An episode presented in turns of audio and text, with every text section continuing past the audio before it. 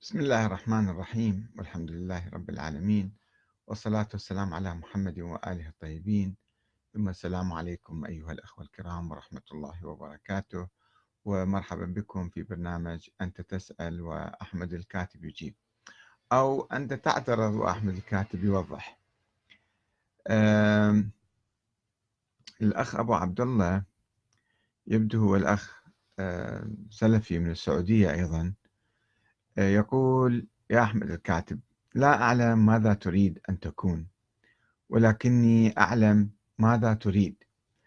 أنت تريد مذهب ديمقراطي مذهب جديد من اختراعك فأنت تعرف الحق ولكنك تتجنبه وتريد تأسيس دينا جديدا. فاحذر أن تكون ممن قال عنه النبي صلى الله عليه وسلم من سن في الإسلام سنة حسنة فله أجرها.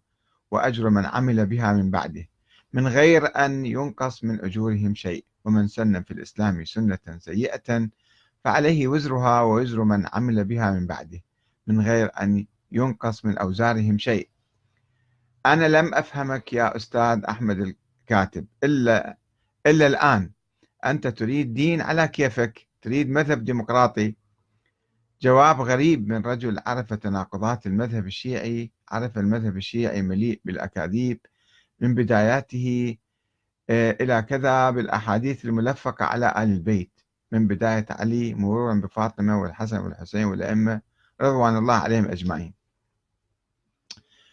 وبالافتراء على صحابة رسول الله أنت تسير على خطى المعممين.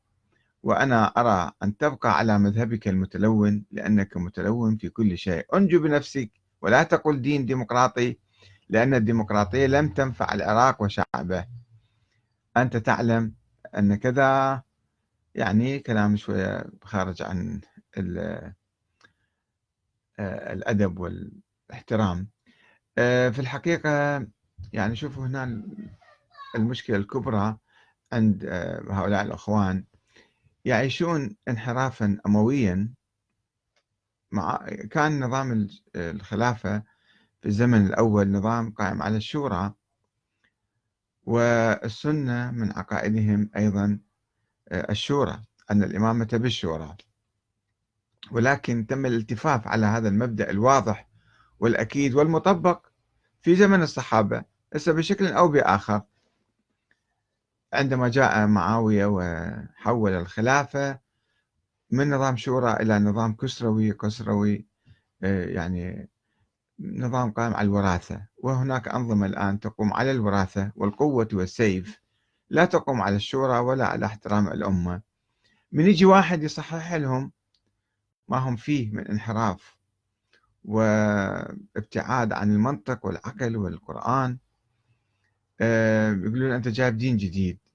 وما جايبين دين جديد. كل ما نقول أنه نعود إلى الشورى نعود إلى القرآن الكريم ونعود إلى الشورى مبدأ الشورى. مبدأ الشورى يعني الأمة هي التي تنتخب الحاكم. الأمة هي صاحبة